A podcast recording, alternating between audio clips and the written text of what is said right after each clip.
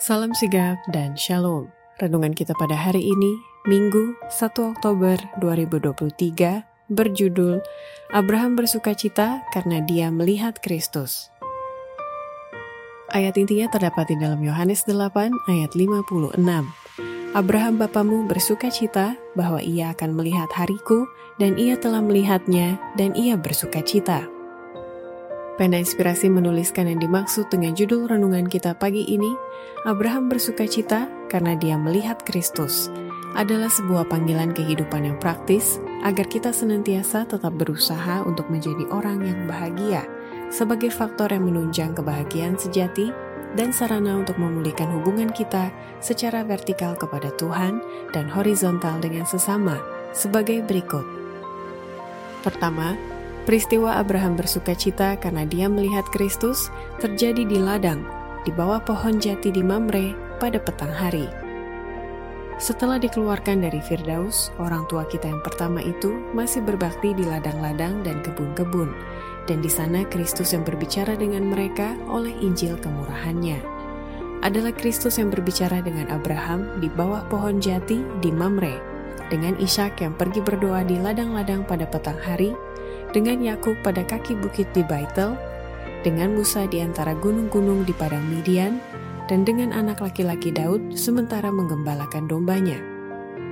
Kedua, peristiwa dan latar belakang Abraham bersuka cita karena dia melihat Kristus, disebabkan Abraham ini hidup oleh iman dan maka itu ia disebut bapa orang beriman.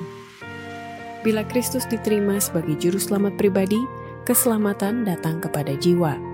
Zakheus telah menerima Yesus, bukan saja sebagai seorang tamu yang akan pergi dalam rumahnya, melainkan sebagai seorang yang tinggal dalam Ka'bah jiwa.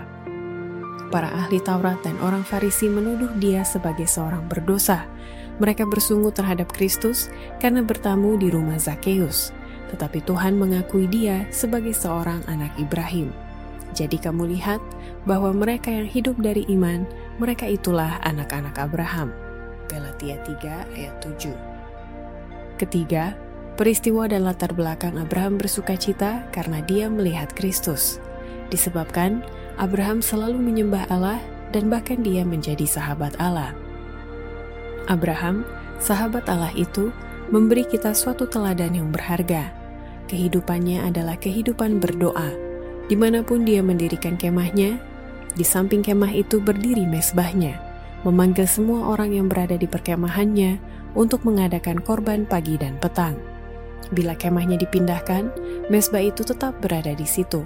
Pada tahun-tahun berikutnya, ada orang-orang di antara bangsa Kanaan yang hidupnya berpindah-pindah yang menerima petunjuk dari Abraham.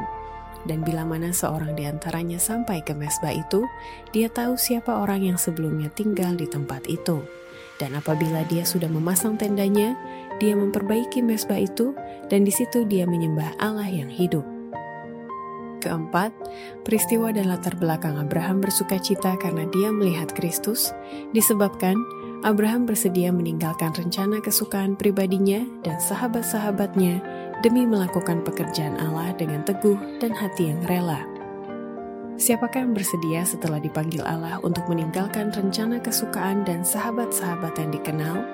Siapakah yang mau menerima tugas baru dan memasuki ladang kerja yang belum pernah dikenalnya, lalu melakukan pekerjaan Allah dengan teguh dan hati yang rela demi Kristus dengan menghitung kerugiannya menjadi keuntungan? Dia yang mau melakukan hal ini mempunyai iman Abraham dan akan membagi bersama dia kemuliaan kekal yang melebihi segala-galanya, jauh lebih besar dari penderitaan kami. Demikianlah renungan kita pada hari ini. Kiranya Tuhan memberkati kita semua.